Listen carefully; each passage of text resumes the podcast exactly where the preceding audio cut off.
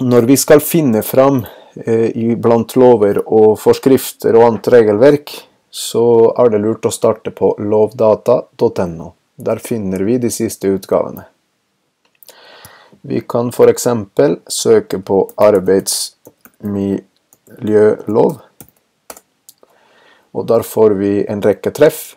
Blant dem første treff er arbeidsmiljøloven fra 2005, altså gjeldende arbeidsmiljølov, som er revidert i år 2015. Eh, når man skal strukturere eller finne ut hvordan loven og forskriften er strukturert, så er det lurt å starte med kapitteloversikten. Der ser vi at eh, loven er inndelt i flere kapitler med ulike tema. Hvis vi f.eks. Eh, er ute etter å se på reglene rundt ansettelse, så ser vi at kapittel 14 omfatter ansettelse.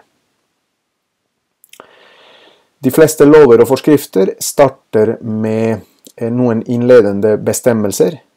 Dvs. Si at de første paragrafene de eh, forteller hva loven gjelder, og hvem loven gjelder for. Og Det er kanskje noe av det første man lurer på. Gjelder denne loven min bedrift, eller min virksomhet, eller denne situasjonen? Det er det første vi må finne ut, om loven kommer til anvendelse. Når man da klikker på et kapittel, så er alle kapitler inndelt i paragrafer. Det lille symbolet der betyr paragraf. Her er paragraf 1.1, som forteller om lovens formål, altså hva er vitsen med denne loven. Og Lovens formål er å sikre et arbeidsmiljø som gir grunnlag for et, en helsefremmende og meningsfylt arbeidssituasjon, f.eks. Og som sagt, de første paragrafene forteller også hva loven omfatter. I dette tilfellet omfatter loven eh, virksomheter som sysselsetter arbeidstaker, altså hvem loven gjelder for. Paragrafene kan også være inndelt i ledd, og leddene kan være nummerert, sånn som her, i parentes. Men de trenger ikke å ha de tallene her. Likevel er, det, er dette her et ledd, og dette her er et annet ledd første og annet ledd.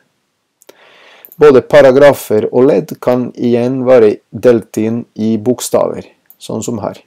Bokstav A og B.